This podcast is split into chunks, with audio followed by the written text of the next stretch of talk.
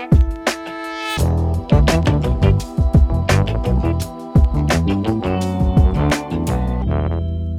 មជម្រាបសួរទស្សនិកជនទាំងអស់គ្នាសូមស្វាគមន៍មកកាន់កម្មវិធី podcast នៃជំនាញគម្រោងសិក្សានិងការងារដែលរៀបចំដោយសមាគមអតីតនិស្សិតអាហារូបករណ៍ Fulbright និងអាហារូបករណ៍សហរដ្ឋអាមេរិកដែលយើងអាចហៅកាត់ផងដែរថា FUSAC ដោយ podcast របស់យើងថ្ងៃនេះផងដែរយើងមានការឧបត្ថម្ភពីក្រុមហ៊ុន Smart Asiata នៅថ្ងៃនេះផងដែរ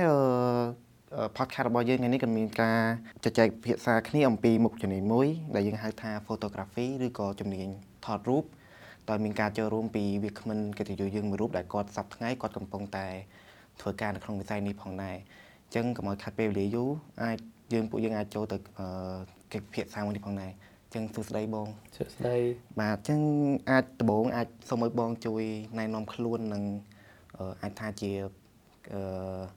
ការងាររបស់បងសប្តាហ៍ថ្ងៃទៅកាន់អ្នកស្ដាប់របស់យើងទាំងអស់គ្នាបងបាទសួស្ដីខ្ញុំ Malidate One ហើយខ្ញុំជា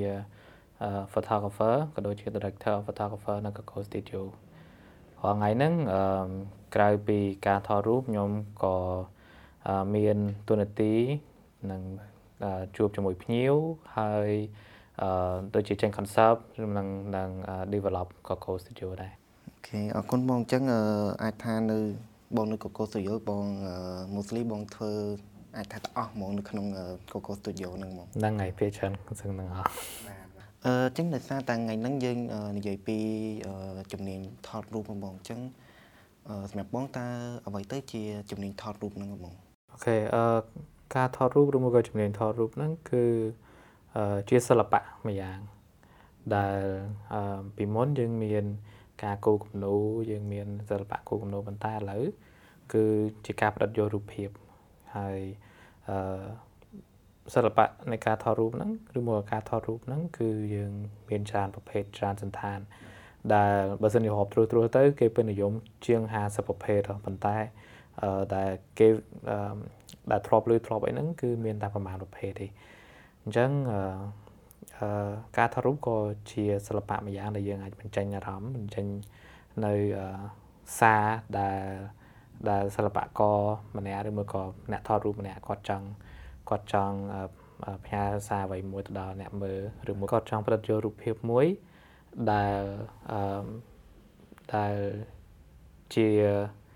អឺរូបភាពកម្រឬមួយក៏ជាអ្វីដែលគាត់ចូលចិត្តចាំបើយើងនិយាយឲ្យខ្លីទៅអាចថាអឺ ជំនាញការថតរូបហ្នឹងគឺការដែលយើងបញ្ចេញអារម្មណ៍ទៅតាមការដែលយើងថតរូបចេញពីកម្មអាចថាកាមេរ៉ាយើងឬកាមេរ៉ា digital របស់យើងហ្នឹងហ្មងបាទហ្មងបាទអញ្ចឹងអាចសួរបងពីការសិក្សាបន្តិចតើដំបូងនឹងហ្មងគឺបងចាប់យកជំនាញការថតរូបនឹងហ្មងឬក៏បងរៀនមុខវិជ្ជាអីផ្សេងសិនដែរបងអឺដំបូងខ្ញុំអឺបាទខ្ញុំអត់បានចាប់យកជំនាញថតហ្នឹងទេខ្ញុំនៅក្នុង marketing field អឺប៉ុន្តែ អឺមុននឹងខ្ញុំចាប់ផ្ដើម marketing ហ្នឹងអឺអញ្ចឹងពេលដែលខ្ញុំនៅអាយុ16 17ឆ្នាំហ្នឹងខ្ញុំបាន Advanced English Business Diploma បានម្ដងហើយអញ្ចឹងខ្ញុំបាន degree ខាង business ពេលហ្នឹងមួយបន្តមកទៀតពេលដែលខ្ញុំបញ្ចប់អឺ high school ទីអឺបញ្ចប់វិទ្យាល័យហ្នឹងខ្ញុំក៏បាន pursue បន្តទៅរៀនខាង marketing ទៀតប៉ុន្តែខ្ញុំរៀនអត់ចប់ទេដោយសារតែពេលហ្នឹង ខ្ញុំបានប្រឡូកជាមួយនឹងចេញធ្វើការផ្សេងផ្សេងទៀតហើយដល់ពេលយើងមានធុរៈរវល់ពេកទៅអីចឹងទៅក៏យើងឈប់ធ្វើប៉ុណ្ណឹងសិនប៉ុន្តែ at the same time អឺធ្វើការយូរឆ្នាំទៅយូរឆ្នាំទៅខ្ញុំក៏ចាប់ផ្ដើមដកចិត្តជាមួយនឹងការថតរូបអញ្ចឹងក៏ចាប់ផ្ដើមថាអូខេអឺសាកថតលោមើលហើយក៏ស្រឡាញ់ហើយក៏ខ្ញុំចាប់ផ្ដើមចាប់យកជំនាញហ្នឹងដែលខ្ញុំហ៊ានហើយក៏ ខ្ញុំបានវឹកហាត់ខ្លួនឯងដែរហ្នឹងតែតែពេលហ្នឹងប្រហែលបើនិយាយទៅ តាំងពីបងប្រឡូកអឺការចេញការថតរូបដំបូងហ្នឹងប្រហែលជាប្រហែលឆ្នាំដែរបងបើយើងគិតពីដំបូងមកហ្មងបើសិនជាគិតពីដំបូងមកហ្មងប្រហែលជា3ឆ្នាំជាងអូបាទ3ឆ្នាំជាងមកដល់ហើយបាទបាទបាទអញ្ចឹងសម្រាប់អាចថា មុនដែលបងចេញប្រឡូកការថតដំបូងហ្នឹងបើសម្រាប់ការរៀនវិញបងបងរៀនថតរៀនអីហ្នឹងអឺសម្រាប់បងបង spend ផែយើងចំណាយពេលផែមួយឆ្នាំដែរពេលហ្នឹងបងហ្នឹងហើយ so ពេលហ្នឹងសំណាងល្អរបស់ខ្ញុំដែរពេលដែលខ្ញុំ search ហៅមើលអអឺជំនាញឬមួយក៏ថ្នាក់រៀនអនឡាញទៅខ្ញុំក៏ឃើញថ្នាក់អឺ photography មួយថ្នាក់រៀនថតរូបមួយដែល specifically គឺគាត់បង្រៀនពី food និង product photography អញ្ចឹងខ្ញុំក៏ចាប់ផ្ដើមរៀន course ហ្នឹងយកអឺ title ជា food photographer specialist ក្នុងរយៈពេល6ខែទៅ8ខែបាទអញ្ចឹងអូចឹងថ្ងៃអាចថាបើនៅកកូហ្មងបងក៏ជា food specialist នៅនៅកកូនឹងតដែរតាហ្មងបាទខ្ញុំជា food photographer specialist តែហ្នឹង អូខេអរគុណបងអឺចឹងសុំសួរបងបកវិញបន្តិចអឺចឹងដូចមុននឹងតិចហ្នឹងបងថាបងបានរៀនផ្នែក business និង marketing ចឹងអាចថាតើកត្តាអ្វីដំបូងផុតហ្នឹងដែលជំរុញឲ្យបងដូរពីរៀនពី business និង marketing ហ្នឹងទៅចាប់យកជំនាញ photography វិញបងអឺទីមួយគឺដោយសារខ្ញុំចូលចិត្តសេរីភាពហើយខ្ញុំខ្ញុំមានការសមាសម័យច្រើនពេលខ្លះអឺអឺ ខ្ញុំមិនដឹងនិយាយថាអូរៀន marketing រៀន business ខ្ញុំមិនអាចមានការសមាសម័យឬមកកាត់ដាក់ការសមាសម័យខ្ញុំចូលក្នុងការងារបានទេបានដូចគ្នាប៉ុន្តែខ្ញុំមានអារម្មណ៍ថាក្នុងផ្នែកដែលខ្ញុំរៀនហ្នឹងគឺវាអត់ខ្ញុំអត់អាច expressive enough ខ្ញុំអត់អាចបញ្ចេញនៅអារម្មណ៍របស់ខ្ញុំអស់អញ្ចឹងពេលហ្នឹងអនខ្ញុំទៅដើរលេងជាមួយនឹងមិត្តភ័ក្ដិខ្ញុំម្នាក់គាត់ជាសិស្សច្បងក្នុងការថតរូបណាគាត់ ប្រាប់ចេះចុះចេះចុះទៅខ្ញុំក៏ចាប់អារម្មណ៍ចង់សាកតែពេលសាកទៅក៏ថាអូវាព្រោះថាយើងអាចបញ្ចេញអារម្មណ៍យើងមកយើងជាផ្លូវមួយទៅទៀតអញ្ចឹងណាហើយក៏ខ្ញុំចាប់ផ្ដើមដកចិត្តស្រឡាញ់ការថតរូបជំនាញមួយនឹងមករហូតដល់ពេលដែលខ្ញុំចាប់ផ្ដើមមាន client ដំបូងដែលខ្ញុំចាប់ដើមរក client របស់ពេលនោះអត់ទាន់បានចាប់ដើមរៀនទេអឺនៅសុកសុកតែមានគេខលមកប្រាប់ថា អូចង់ថតរូបម្ហូបខ្ញុំថាហាអត់ខ្ញុំអត់ចេះថតទេថាអត់អីទេមកសិនមកថតហើយមើល result ហើយខ្ញុំថាខ្ញុំគិតថាខ្ញុំធ្វើល្អជាងហ្នឹងអញ្ចឹងចាប់ដើមរៀបថាជំរុញទឹកចិត្តខ្លួនឯងហើយចាប់ដើម challenging ណាហើយក៏ពេលហ្នឹងមកដកខ្លួនឯងរួចទៅហើយចូលជាប់នៅជំនាញហ្នឹងហ្មងនៅជាប់នៅហ្នឹងហ្មងបាទគុណបងតើបងជួបឧបសគ្គអ្វីខ្លះបងពេលដែលបងរៀននៅជំនាញមួយហ្នឹងអឺ បើឧបសគ្គដែលពេលហ្នឹងខ្ញុំប្រឈមមុខជាងគេហ្នឹងគឺពេលដែលធម្មតាពេលដែលយើងធ្លាប់ទៅធ្វើការទី1គឺប្រាក់ចំណូលប្រាក់ដែលយើងរកបានអឺយើងធ្លាប់រកដឹងទៅដល់ខែបានដល់ខែបានប៉ុន្តែដែលខ្ញុំចេញមកដំបូងហ្នឹងជា freelance photographer យើងមិនប្រកាសថាយើងអាចរកបានដោយប្រាក់ចំណូលរបស់យើងទេអញ្ចឹងអាហ្នឹងវាជា challenging មួយខ្លាំងសម្រាប់សម្រាប់ ខ្ញុំបាទការចេញដំបងហើយមួយទៀតគឺគឺខ្ញុំត្រូវ discipline ខ្លួនឯងអញ្ចឹង discipline ហ្នឹងអឺធម្មតាយើងអត់មានអីធ្វើយើងខ្ជិលទេថានឹងអត់ហរក៏បានមានប៉ានេះដែរអីមានលុយប៉ាអីអញ្ចឹងប៉ុន្តែអឺ challenge បំផុតគឺយើងត្រូវតែដាក់ខ្លួនឯងថាយើង prioritize ការងារយើងយើង value ជាមួយនឹងអីដែលយើងធ្វើ ដោយពាក្យមួយម៉ាត់ដែលខ្ញុំចំណាំនិយាយហើយពាក្យហ្នឹងគឺសិស្សច្បងរបស់ខ្ញុំប្រាប់ដូចគ្នាអឺគឺ do what you love and love what you do ពីរហ្នឹងគឺខុសគ្នាខ្លាំងហ្មង and វាជា rule of discipline មួយដែលដែលខ្ញុំ set តាំងពីខ្ញុំចេញដំបូងមកដល់លើ challenges ទី2គឺអឺពេលដែលយើងជួបមួយ client ពេលដែលយើងចាប់ផ្ដើម work មួយគាត់ដូចថាយើងខ្ញុំមិនដែលមានបទពិសោធន៍សោះទោះបីជាខ្ញុំបានរៀននៅខាង marketing ប៉ុន្តែ អឺ theory ជាមួយនឹង practical វាដូចគ្នា ពេលចេញគឺថានឹងដឹងចាប់អាណាទុកកណីអីអីចឹងអឺ so uh, challenges ធំធំអានឹងហើយមួយទៀតដែល challenges ធំខ្លាំងបំផុតហ្មង គឺការដែលអត់មានការ support ពីក្រុមគ្រួសារការអត់មានជំរុញទឹកចិត្តពីក្រុមគ្រួសារព្រោះអីសម្រាប់យើងយើងហៅថា photographer លយប៉ុន្តែដល់ពេលចាស់ចាស់ ពូជាងថតអញ្ចឹងគាត់ដឹងថាពេលតែថតជាងថតមួយម៉ាត់មុខវាំងបាទទៅតែថតដូចថតពុកវាំងថតការថតស្លឹកថតអីចឹងចឹងគាត់អាហ្នឹងគឺជា difficulty ខ្លាំងហ្មងដែលខ្ញុំខ្ញុំជឿថាឥឡូវក៏មាន photographer មួយចំនួនគាត់ជួបជាមួយនឹងបញ្ហាហ្នឹងដូចគ្នាដែរជាមួយនឹងក្រុមគ្រួសារអញ្ចឹងមកតាយើង បញ្យល់គាត់ឲ្យគាត់ដឹងឲ្យគាត់យល់ហើយយើងបញ្យល់ client យើងគឺ it take time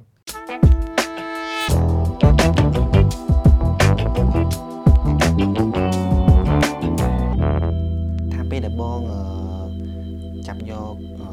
ជំនាញ photographer ដំបូងហ្នឹងម៉ាក់ប៉ាគាត់អត់សូវ support ទេគាត់បាទ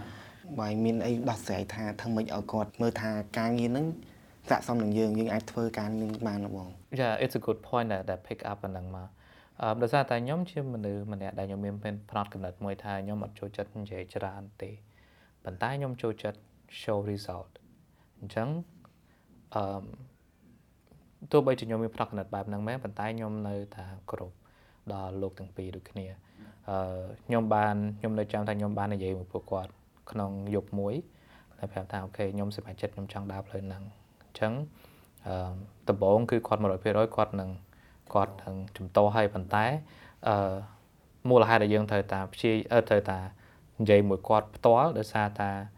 អឺយើងចង់ឲ្យគាត់ស្គាល់ពីយើងខ្លួនយើងក្នុងអាយុមួយឥឡូវហ្នឹងមិនមែនជាកូនក្មេងនៅក្នុងកៅព្រៃគាត់ទេអញ្ចឹងណាអញ្ចឹងអឺទី1គឺយើងធ្វើបែបហ្នឹងគឺឲ្យគាត់ដឹងពី purpose និងគោលបំណងរបស់យើងហើយមួយទៀត ពេលដែលយើងបាននិយាយមួយគាត់ហើយទោះបីជាមានការជំទាស់ប៉ុន្តែអឺក្នុងរយៈពេលមួយ គឺយើងនឹងយកលទ្ធផលមួយជូនគាត់ដែលថាអូខេម៉ាក់នេះជាលទ្ធផលរបស់ខ្ញុំក្នុងរយៈពេល3ខែលទ្ធផលរបស់ខ្ញុំក្នុងរយៈពេល6ខែហើយក្រុមគ្រួសារខ្លះបើសិនជាពិបាកដែលក្រុមគ្រួសារអ្នកពិបាកខ្ញុំជឿថា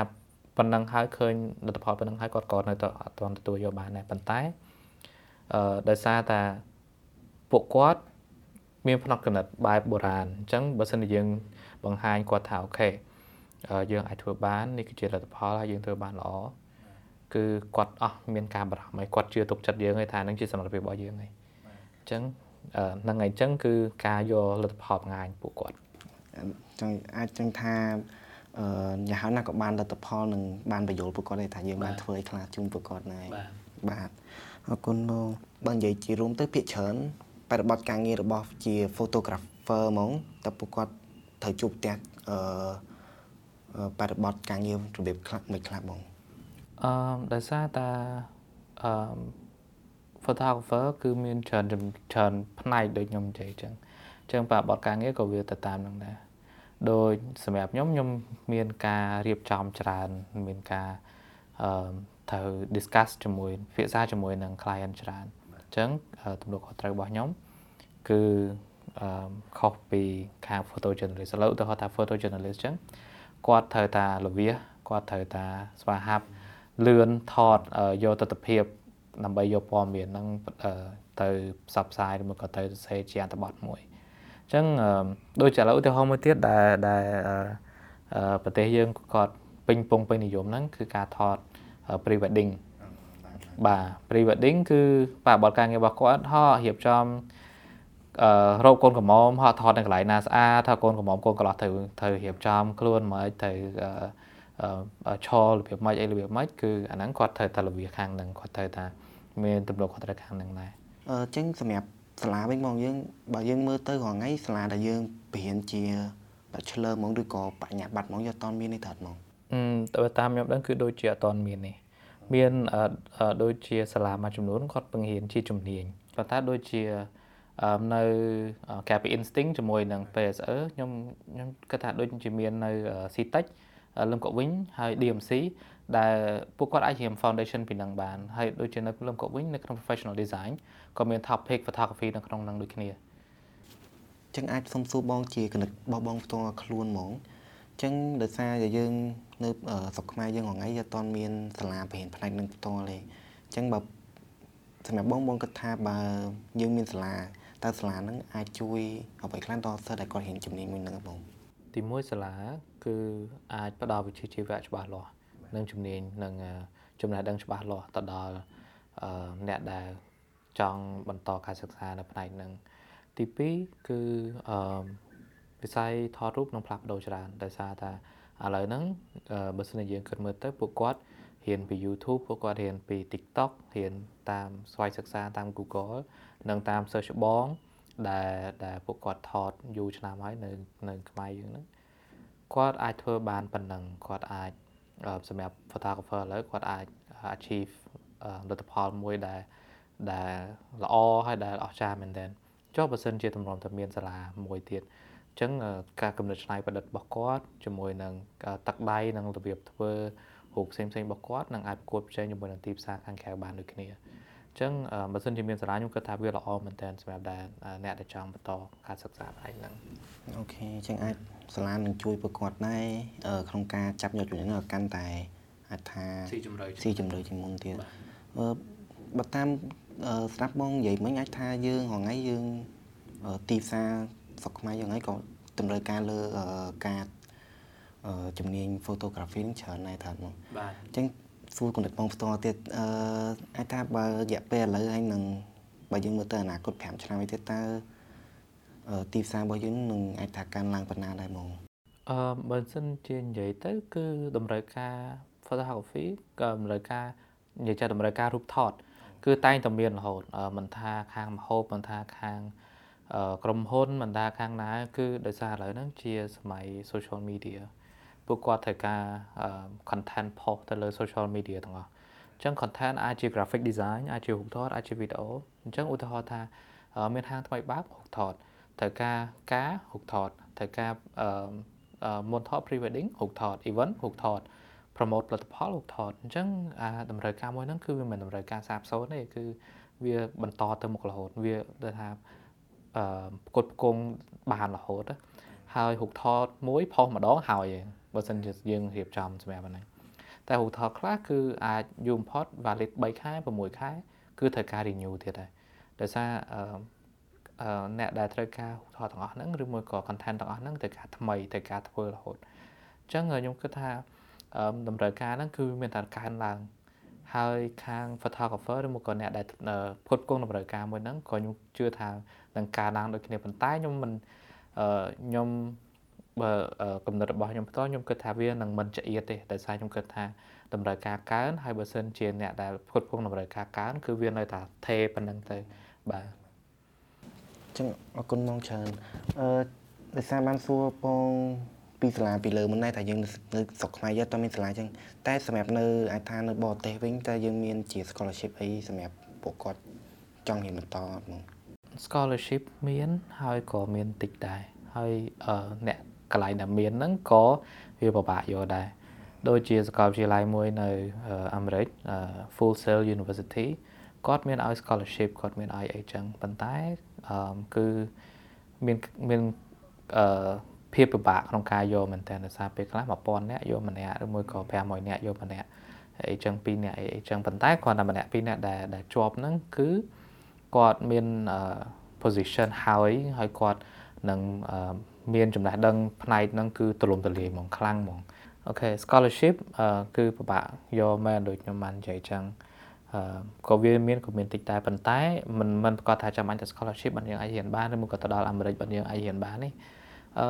មាន platform មួយចំនួនដែលដែល photographer ខ្លួនឯងផ្ទាល់ដែលគាត់បានបញ្ចប់ពីសាលាអស់ហ្នឹងគាត់មាន course របស់គាត់បង្រៀនដូចជានៅក្នុង Skillshare នៅក្នុង Flearn អឺនៅក្នុង website រៀន online មួយចំនួនទៀតដែលធ្វើពួកគាត់អាច pay ត្រឹមតែអឺពេលខ្លះ30ដុល្លារ15ដុល្លារអីចឹងគាត់អាចរៀនជំនាញមួយផ្នែកពី photography ហ្នឹងគាត់អាចរៀនជំនាញថាអូខេឥឡូវបើសិនជាគាត់ឆ្លាញ់ beauty portrait គាត់ចង់ថត beauty studio អឺគាត់អាច pay ក្នុងតម្លៃប៉ុណ្ណឹងរៀនជំនាញមួយហ្នឹងថតមួយជំនាញមួយហ្នឹងហ្មងហើយបើសិនជាសម្រាប់សិស្សនិស្សិតដែលគាត់ឆ្លាញ់ខាងហ្នឹងហើយគាត់ចង់ទៅរៀនហើយគាត់មានសមត្ថភាពបង់លុយគាត់អាចទៅរៀននៅប្រទេសថៃ Bangkok University គេក៏មាន topic នៅទៅលើ photography ដូចគ្នាអូបាទបាទបាទខ្ញុំនិយាយថាបើអាចថាបើគាត់ចូលសាលារៀនមិនកើតហ្មងក៏ យ៉ាងហោចណាស់ក៏គាត់បានរៀនជាខុសអនឡាញហ្មងក៏បានដែរបាទបាទអឺចឹងដោយសារតែបងបានចាញ់លេខអឺអាចថាជាចំណេះដឹងផ្នែក photography ច្រើនដែរអញ្ចឹងអាចថាយើងពេលវេលាយើងក៏មានកំណត់ដែរបងអញ្ចឹងអឺសម្រាប់បងបងមានអាចថាជាពាក្យពេចន៍ឬក៏មានជាសារផ្ដែផ្ដាំអីទៅដល់សិស្សនិស្សិតដែលគាត់ចង់ចាប់យកជំនាញមួយនឹងដែរបងអឺសម្រាប់សារទៅដល់សិស្សនិស្សិតគឺអឺ មានតែបើសិនជាស្រឡាញ់ចាប់យកទៅ ហើយបើស្រឡាញ់ហើយតស៊ូមានអីប្រើហ្នឹងហើយយើងកុំឃើញបញ្ហាហើយយើងគិតថាវាជាបញ្ហាធំ it's not the end of the world បើសិនជាយើងឃើញបញ្ហាពេលខ្លះគួរតែសប្បាយចិត្តដោយសារយើងបើសិនជាបរាជ័យយើង we learn one way to fail អញ្ចឹង before success គឺត្រូវការ failure ហើយអញ្ចឹងឧទាហរណ៍ថាបើសិនជាយើង fail ច្រើនដងយើងអត់ fail actually we learn one way to fail បើ99ដង we learn 99 way to fail before one success អញ្ចឹងយើងមានផ្លូវច្រើនយើងដឹងថាយើងដើរផ្លូវណាល្អផ្លូវណាអត់ល្អអីអញ្ចឹងគឺយើងមាន wisdom ក្នុងខាងហ្នឹងហើយអឺអឺដដែលដដែលខ្ញុំនិយាយបើសិនជាយើងមានលទ្ធភាពធ្វើទិញទូរស័ព្ទមួយគ្រឿងហើយថតគឺ ធ្វើវាឲ្យល្អទៅបើសិនជាយើងមានសមត្ថភាពទិញកាមេរ៉ាធន់មធ្យមថតគឺព្យាយាមធ្វើប្រើវាអស់ពីសមត្ថភាពអស់ពី ability របស់ device របស់យើងដែលយើងមានហ្នឹងចាំយើង upgrade ទៅអីដែល fancy អីដែលលយលយថ្មីទៀតបាទអញ្ចឹងអរគុណដល់បង Validate ដែលបងបានចំណាយពេលវេលាក្នុងការផ្ដល់បទសម្ភាសន៍ក្នុង podcast មួយនេះហើយក៏អរគុណអ្នកនរគ្នាដែលបានចំណាយពេលស្ដាប់ podcast មួយនេះផងដែរ ពួកយើងសង្ឃឹមថាកិច្ចវិភាសានេះបានផ្ដល់ជាជំនួយក្នុងការគិតនិងពិចារណាដល់សិស្សនិស្សិតក្នុងការជ្រើសរើសជំនាញសិក្សានិងអាជីពការងាររបស់ពួកគាត់អញ្ចឹងខ្ញុំអរគុណហើយនឹងសូមជម្រាបលាបងបាទ